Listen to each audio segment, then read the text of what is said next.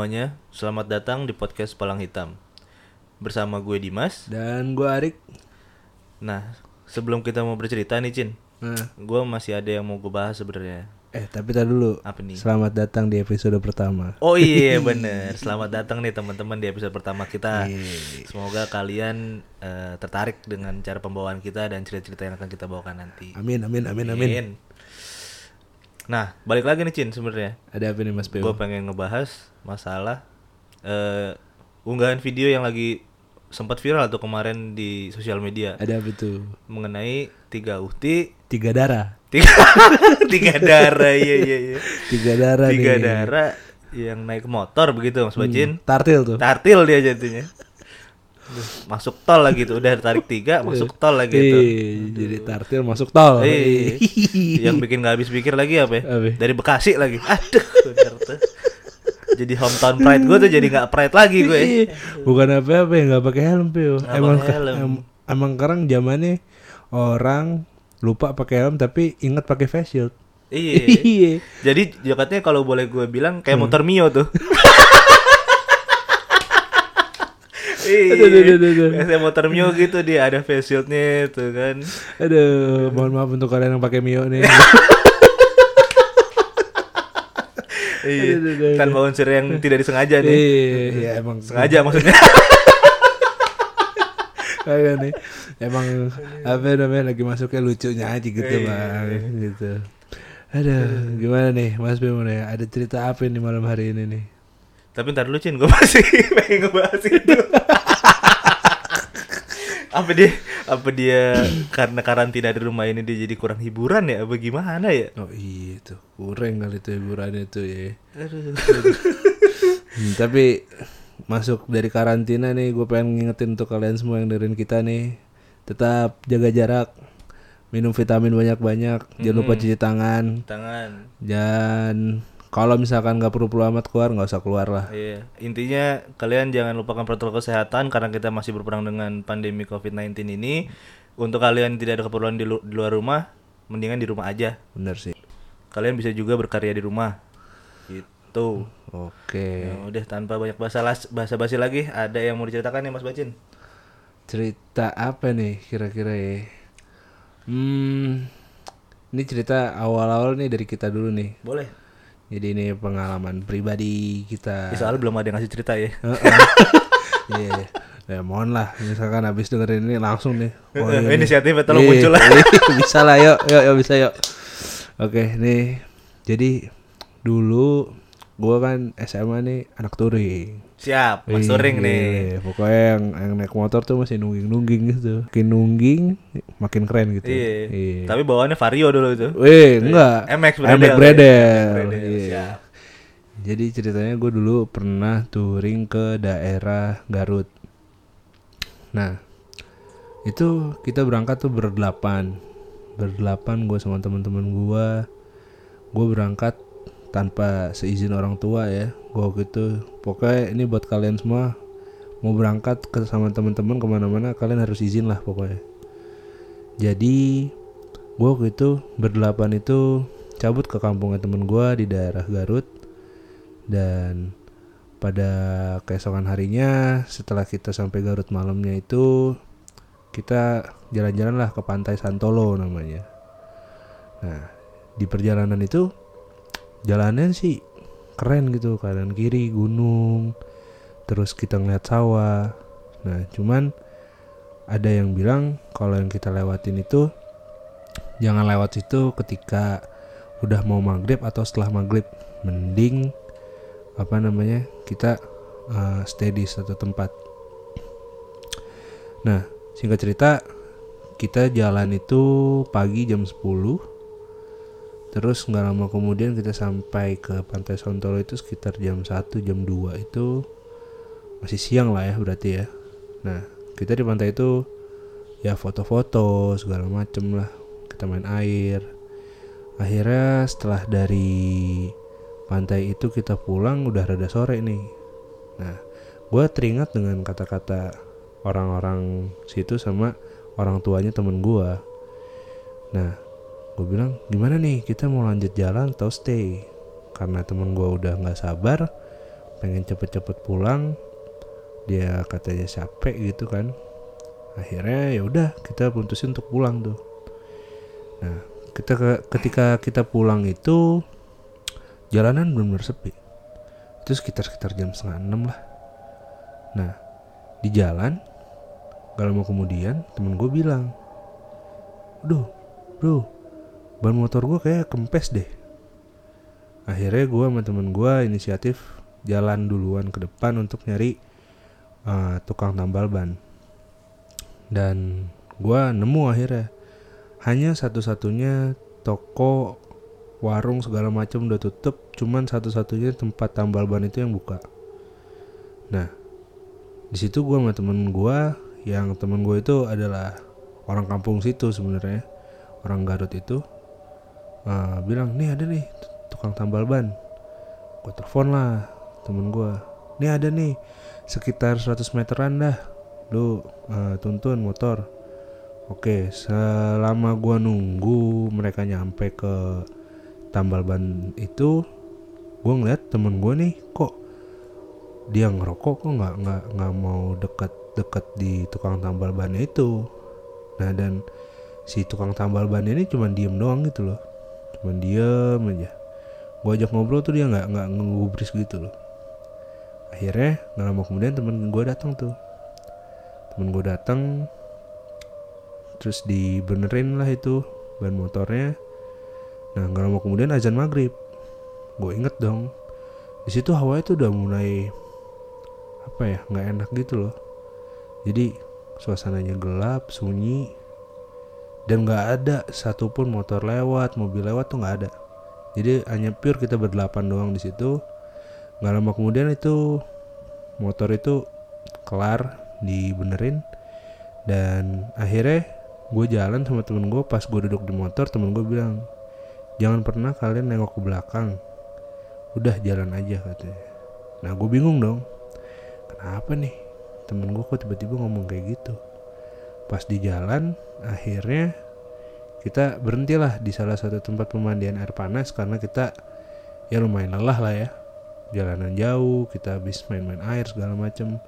Akhirnya gue tanya sama temen gue kenapa tadi lu bilang kita nggak usah nengok belakang? Iya yang tadi benerin motor lu tuh bukan orang. Wah damn. Dia tahu dari mana? Karena dia inget banget pas kita jalan lewat situ nggak ada tuh tukang tambal ban yang itu. Oh maksudnya sebelum sebelum, Sebelum- kalian pada iya situ. sebelum kita lewat situ tuh dia merhatiin jalan tuh nggak ada tukang ban itu tukang tambal ban itu. Hmm, gitu. Nah dan kenapa itu dia kayak pas lagi ngerokok tuh nggak mau duduk-duduk deket situ? Hmm. anjir gue duduk sampingnya lagi. Aduh. Aduh sengaja tuh dia nggak ngasih tau lu tuh. Aduh ngobrol-ngobrol ya kan mau rokok mau rokok gue isap ntar hilang lagi gue Iya kan? Aduh gak lucu ya aduh jadi satu gue tukang tambal ban alam gaib. Iya. Jadi besok besok kalau anak-anak ke situ dua tuh tukang tambal ban. aduh. Tapi yang satu diam aja gitu kan? Iya. iya. Anjing. Tapi emang itu sih Cin. Apa? dari awal maksud gue dari awalnya pun udah aneh sih menurut gue. Kenapa Ketika lu mendengar sebuah larangan di suatu tempat Mhm.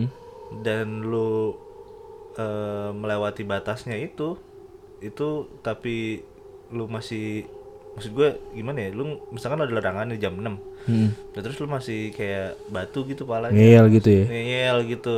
Nah itu pasti ada aja kejadian termasuk kayak tukang tambal ban. Tadi menurut gua adalah sebuah hal yang aneh sih kayak di sepanjang itu kan kayak gunung gitu-gitu juga Iya, pantai iya, gitu-gitu iya. kan pemandangan tapi ada sendiri sendiri tukang tambal ban Heeh.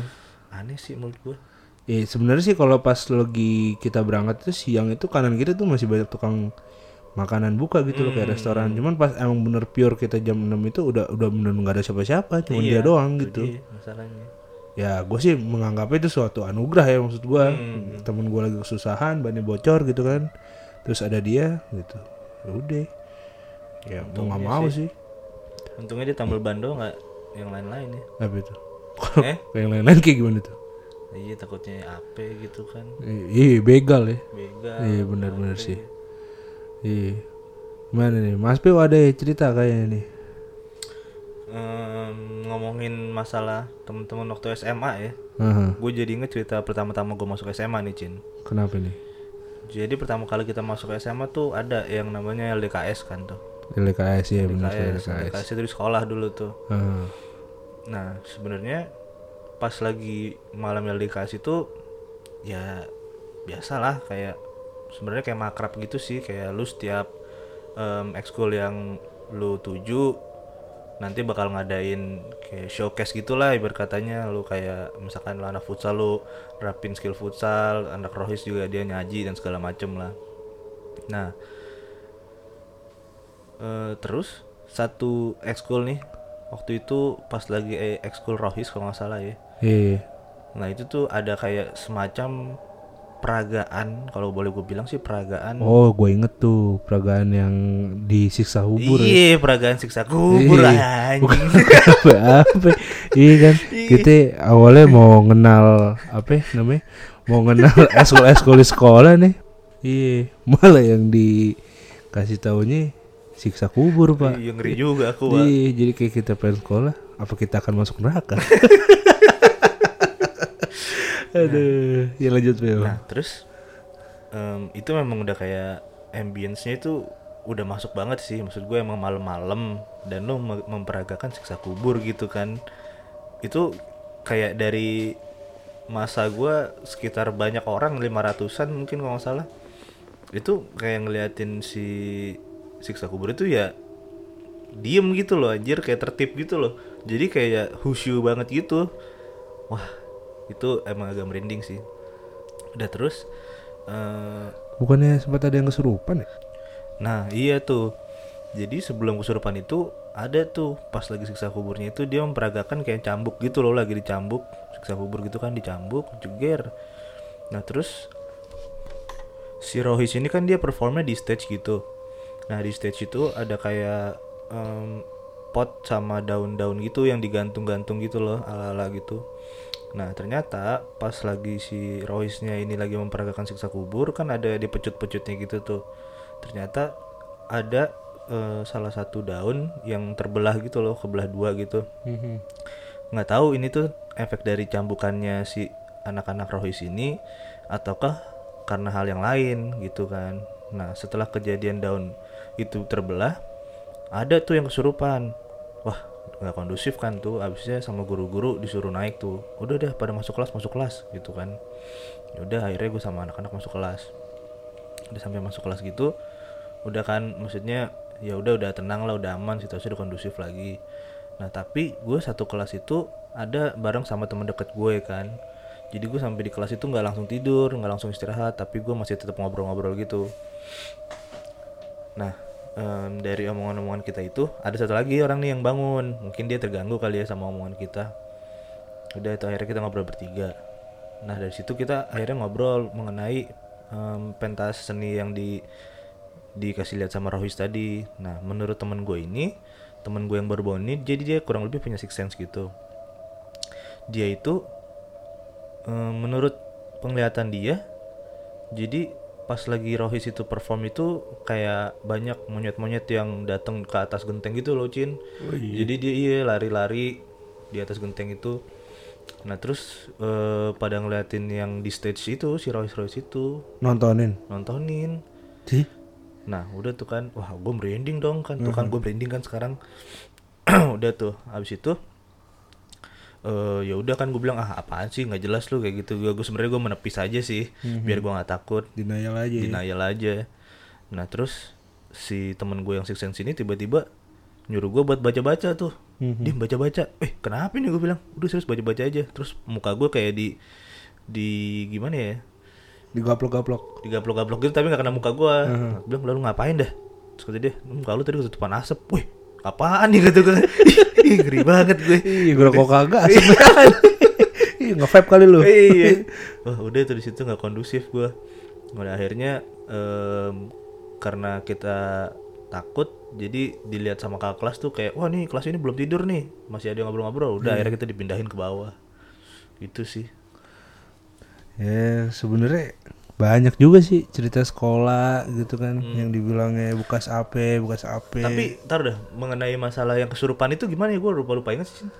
ya kalau nggak salah emang waktu itu gue sama kelas gue tuh duduknya itu nggak jauh dari panggung. Jadi pas lagi Ada yang double ginger gak sih setelahnya gue? double ginger gimana maksudnya? Jadi yang khusus kesurupan ini dia ngelihat bayangan dia sendiri cu. Anjing merinding gue Oh, iya. asli kalau gua nggak salah ya. Hahaha. seinget gue dia jadi sebelum dia kesurupan tuh dia ngeliat bayangannya sendiri baru kesurupan anjing merinding gue oh monyet gitu. Soalnya seingat gue tuh yang kesurupan tuh anak kelas gua. Jadi ada emang anak kelas gua tuh yang ya lo tau lah kelas gua kan berapa kali kesurupan tuh. Hmm, jadi emang katanya kan. kayak orang yang lemah gitu loh. Mhm. lemah dalam artian tuh dia gampang kesurupan gitu. Jadi pas lagi apa namanya acara itu jeger-jeger apa namanya dicambuk-cambuk itu ya mungkin dia nggak kuat atau ada yang mau masuk ke dia langsung masuk kali. Nah itu jadi pas lagi apa peristiwa cambuk-cambuk itu tuh dia langsung tuh langsung teriak-teriak juga ikutan. Ntar udah sebenarnya berarti temen lu itu yang kesurupan setelah cambuk apa gimana sih gue lupa deh Jadi tuh yang kesurupan tuh lebih dari satu, Pio. oh Itu kalau nggak salah tuh ada 10 pantesan orang. langsung nggak kondusif suruh naik ke atas gitu Iya, jadi ada dari kelas lain, dari kelas gua tuh, kelas gua tuh kayaknya yang pertama, orang pertama yang kesurupan. Jadi pas cambukan ke berapa gitu, dia langsung teriak-teriak gitu. Gue bilang sama teman-teman gue bercandain aja, apa sih ini orang nih? Mhm. Apa ya, terbawa suasana kali iya ya. iya iya Cuman apa? Menurut gua kayaknya sih bukan. Mhm. Karena kayak real gitu loh. Nah ngomong-ngomong tentang kesurupan itu emang ini anak itu eh, buat info kalian semua tuh dia satu kelas sama gua dan kelas gua tuh hampir kayak eh tiap dua bulan sekali atau tiga bulan sekali tuh pasti ada dia tuh kesurupan. Hmm. Jadi pernah waktu itu lagi pelajaran ekonomi gue ingat banget. Nah itu tuh awalnya tuh siang-siang, siang-siang Bill Hmm. Siang-siang gua lagi belajar sama teman-teman gua gua duduk tuh di paling belakang ya ya biasa lah laki-laki paling belakang ya kan? Sama tuh kalau emang bocah-bocah bandel tuh biasanya kalau kelas paling belakang, di bis paling belakang Iya. itu menguasai teritori tuh. Ah, gua paling belakang pojok sebelah kiri. Jadi belakang gua tuh locker. Samping gua itu kaca. Nah kacanya itu ada ini ada kayak hordengnya gitu. Hmm. nah nggak lama kemudian guru ekonomi gua lagi nerangin gitu tiba-tiba itu si apa hordeng itu maju sendiri. Itu bener-bener maju sendiri. benar-benar maju sendiri. Itu karena Berarti maksud gua itu hordeng hordeng yang maju itu kan berarti di sebelah udah gak sih? iya jadi yang di sebelah gua nih eh, hordeng nih cuman kayak di samping gua tuh nggak hordengnya tuh nggak di samping gua gitu loh di depanan gua sedikit. Oh, berarti di meja depan lu gak sih? ah di meja depan gua. jadi pas lagi itu tiba-tiba suasananya hening entah kenapa itu hening itu maju tuh si hordeng tuh seret. Berarti lu di belakang dia pas dong. iya di belakang dia pas. jadi gua sama temen gua gua ngeliat itu hordeng itu maju kan. Gua liat lihatan akhirnya temen, sama temen gua tuh. Kenapa tuh hordeng? Angin kali kan. Hmm. masih Tapi tuh beda cuy kalau misalkan maju karena angin sama maju iya iya pelan-pelan kayak kayak kayak kayak ada orang yang buka lah Hmm, maksudnya. hmm, gua sama temen gua liat lihatan kan. Lihat lihatan ah angin kali nih. Ya udah terus nggak lama kemudian ngomong lagi nih si apa namanya guru ekonomi ini. Ngomong ngomong ngomong ngomong ngomong jelasin nah di belakang gua kan loker ya? Hmm. jadi loker yang paling atas kalau nggak salah sebelah yang tengah-tengah tuh tapi yang loker paling atasnya itu kebuka apa namanya ngebanting sendiri gitu loh. Kebuka nih cak jeruk gitu. Cak jeruk sekali doang. Terus anak-anak langsung ngeliat ke belakang kan ngeliat ke arah gua kan iya ngeliatnya ke arah gua gua bilang Sampai- gak gue nahan. Enggak, sampai sampai gue tuh sama guru ekonomi gue jangan bercanda hei saya lagi ngerangin. Gue bingung kan gue sama temen gue udah kelihatan lu buka ini? Enggak gue juga enggak gitu. Bukan saya bu. Terus siapa? Hantu. Nggak lama kemudian iya nggak lama si so- kemudian. Sobral tuh. iya nggak lama kemudian dari bilang siapa hantu? Dia kesurupan. Jadi yang doi, doi siapa nih? itu temen gue yang Oh, gue temen bilang. lu, guru Ah, temen gue yang gue bilang gampang kemasukan tuh Hmm. yang satu kelas sama gue tuh dia kan duduk di deretan gue tapi paling pojok sebelah kanan. Dia kesurupan langsung teriak. Ngaco sih. Nah dan itu langsung guru ekonomi gue tuh langsung kucuk-kucuk keluar aja gitu. Ih kata gue jawab tuh dia. iya kata gue nggak tanggung jawab. Akhir itu nggak lama kemudian tuh di dipanggil guru agama sama guru apa ya guru agama tuh oh sama Bu Siti tuh Bu Hmm. Siti guru apa dia Guru agama. bukan eh Siti siapa? ya? Siti Mujila Ya, guru agama, Cin. Ih, guru agama enggak yang Pak Dede, Pak Dede sama Bu Siti Mujila, sorry. Jadi dua dua dua guru agama tuh langsung maju. Nah, di situ tuh akhirnya kayak yaudah bawa ke ruang guru gitu kan. Nah, gue bawa nih cewek, Pio. Hmm. Cewek. Dua orang mah kuat lah harusnya ya. Hmm. Lu tau gak? orang lah kuat, Cuk. Lu tau gak nih yang bawa berapa? Berapa tuh? 10 orang. Buset. 10 orang cuy. Gue bawa gue bawa palanya tangan gue sampai keram cuy. Ih, berarti kayak kurang lebih kalau gue ilustrasiin kayak yang di film Keramat tuh ya. Ingat gak lu? Yang dia kemasukan terus mau dibawa ke rumah sakit. Oh iya iya iya kayak gitu kayak gitu itu jadi awalnya nih kayak si guru gua nih yang yang laki nih guru agama gue bilang yaudah angkat aja gitu tiga orang cukup lah nggak bisa diangkat cuy berat berat pak berat pak asli nih mah. Akhirnya guru agama gue juga turun tangan kan. Angkat bener nggak bisa. Baca Bismillah dulu katanya ngangkatnya. Tetap nggak bisa. Akhirnya kayak bersepuluh tuh totalnya tuh ada yang megang kakinya kakinya empat orang kalau nggak salah badannya. Berapa orang? Gue megangin pala doang sendiri nih. Anjir itu yang namanya pala bener berat gue kayak ngangkat galon tau gak sih asli cuy. Galon masih enteng asli cuy. Berat lah maksudnya. Kayak berat lah gitu katanya "Ba- baca Bismillah dulu katanya. Pas lagi di jalan jangan lupa salawat gitu. Ya udah tuh angkatkan Bismillahirrahmanirrahim. Gue angkat tuh kan. Uh tapi berat ya Pio. asli itu mah nyata itu. Nah pas lagi itu dibawa ke ruang guru. Dari ruang guru udahlah nggak tahu tuh. Pokoknya nggak lama kemudian dia dijemput sama orang tuanya deh kalau nggak salah. Gitu. Tapi pas lagi jemput sama orang tuanya kondisinya sudah membaik kah atau masih udah dalam- udah Oh, udah oke. udah. Maksudnya udah sadar gitu loh wah itu sih gila sih kata gua. Itu siang-siang bolong benar-benar siang-siang bolong ketika Epic banget, kalau nggak salah itu jam 2 lah itu. Jam 2an lah.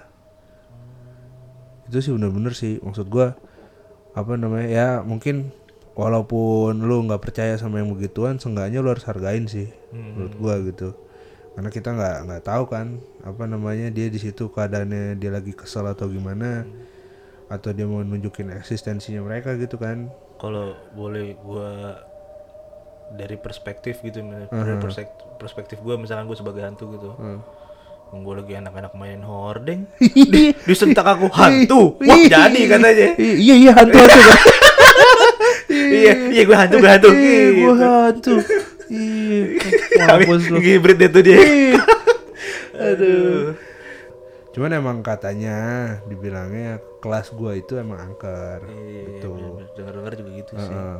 Ya tapi yang paling epic sih itu. Yang sebenarnya kalau misalkan hordeng jalan sendiri tuh kayak jadi udah kayak kebiasaan gitu loh. Oh menurut lu tuh hal yang biasa? Iya jadi kayak hal yang biasa. Gue duduk di belakang gitu. Lihat set. Ah hordeng mainin hordeng lagi kata gue gitu. Nah tapi pernah waktu itu kalau nggak salah siang-siang lagi pas kita lagi kelas meeting tuh. Kelas meeting kan. Nah itu kayak gue cuman berempat atau berlima di kelas tuh. Itu bener-bener yang namanya locker tuh dimainin sendiri gitu loh.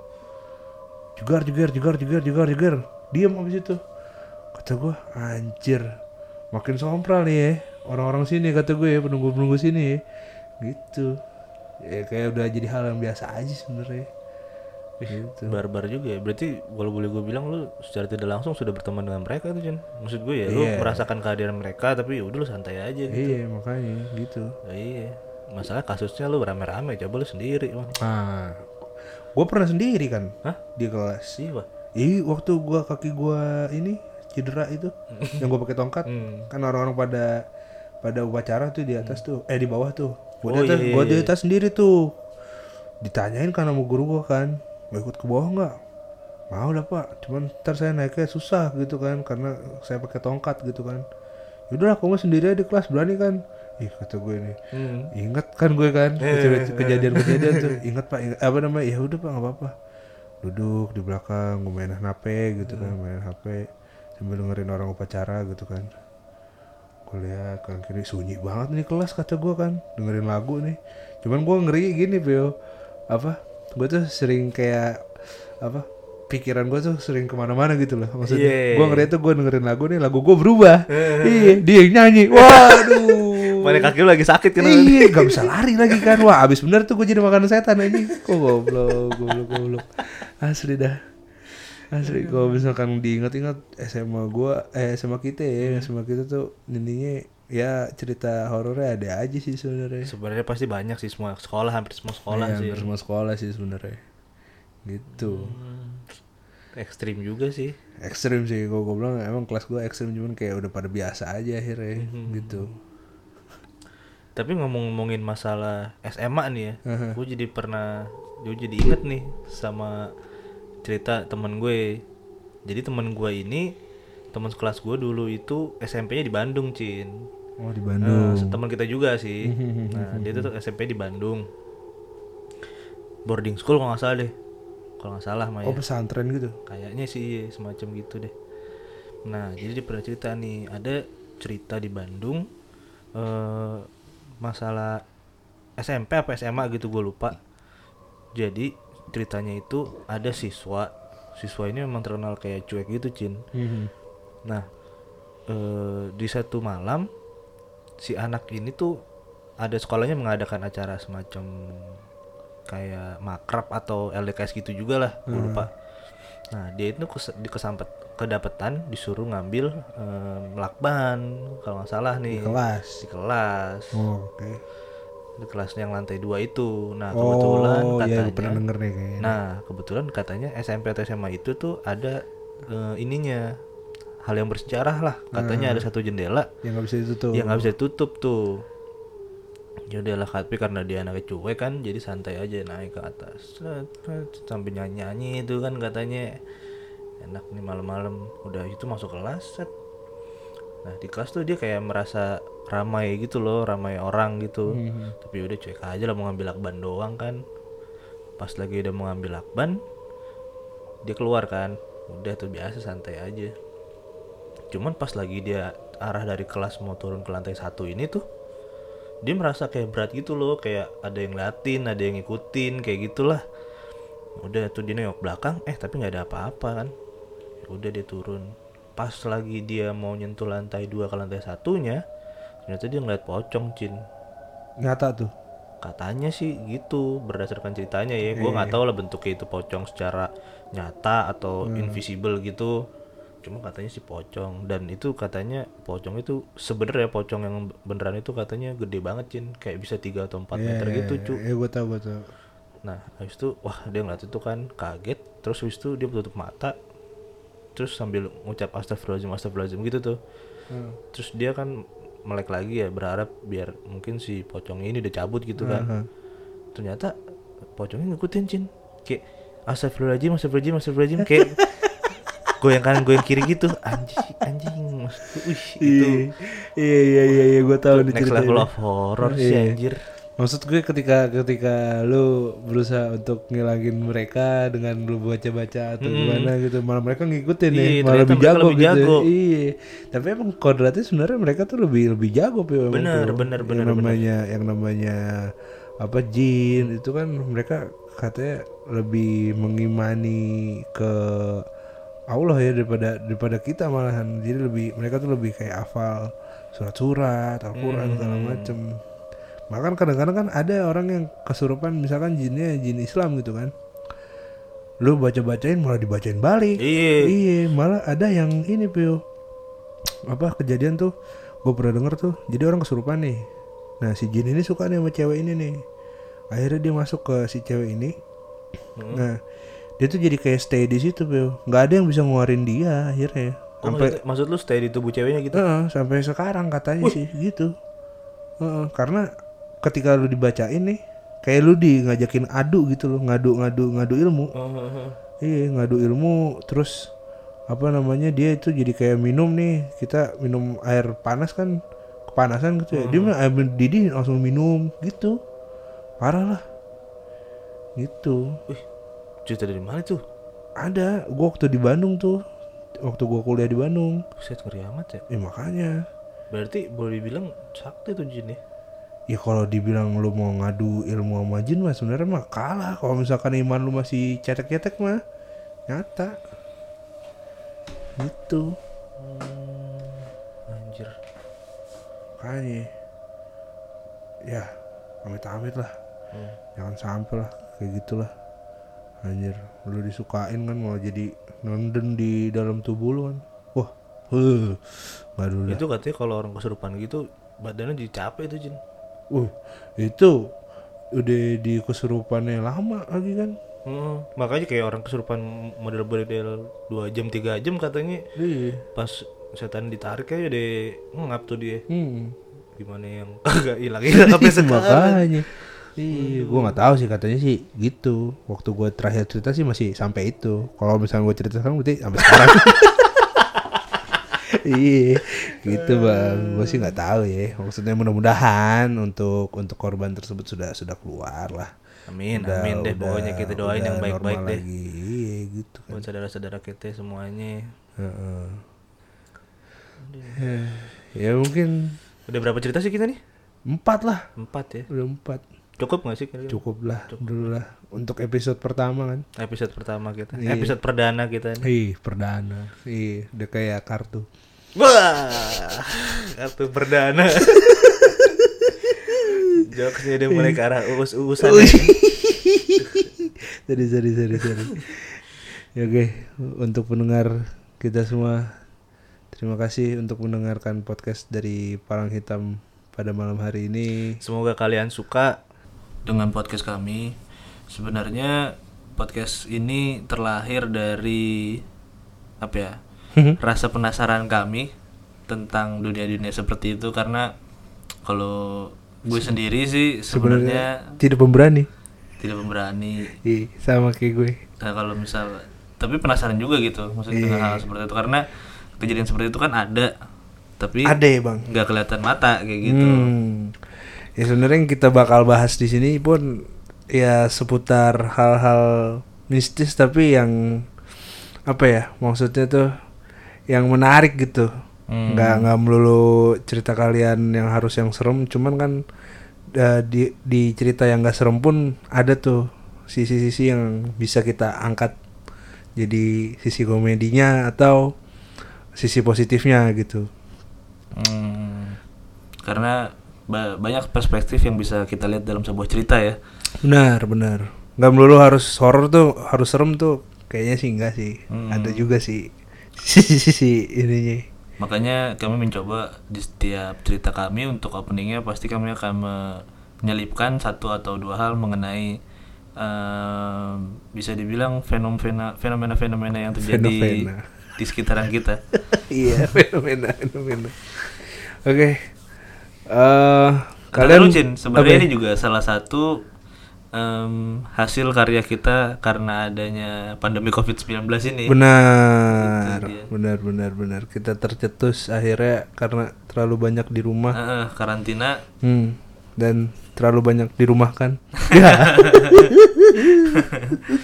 ya jadi sebenarnya em, meskipun kalian di rumah juga tidak membata tidak dibatasi ya dengan kesulitan-kesulitan akses sebenarnya karena kita juga zaman sekarang kan udah ada internet semuanya mudah sih sebenarnya dari situ kalian juga udah bisa lebih berkarya lagi Open your eye. open your Eh, eyes keren. Keren ya. Oke, oke, oke. ya udah gitu dulu semuanya Oh Iya, kalian bisa follow Instagramnya podcast Palang Hitam di Palang Hitam Podcast. kalian juga bisa share cerita-cerita kalian dengan cara DM kita via Instagram. Lalu kalian juga bisa isi cerita kalian lewat Gform yang sudah kita taruh di bio kita Iya. di Instagram. Oke, sekian di episode perdana kita pada malam hari ini. So, pada saat mendengarkan kami berdua,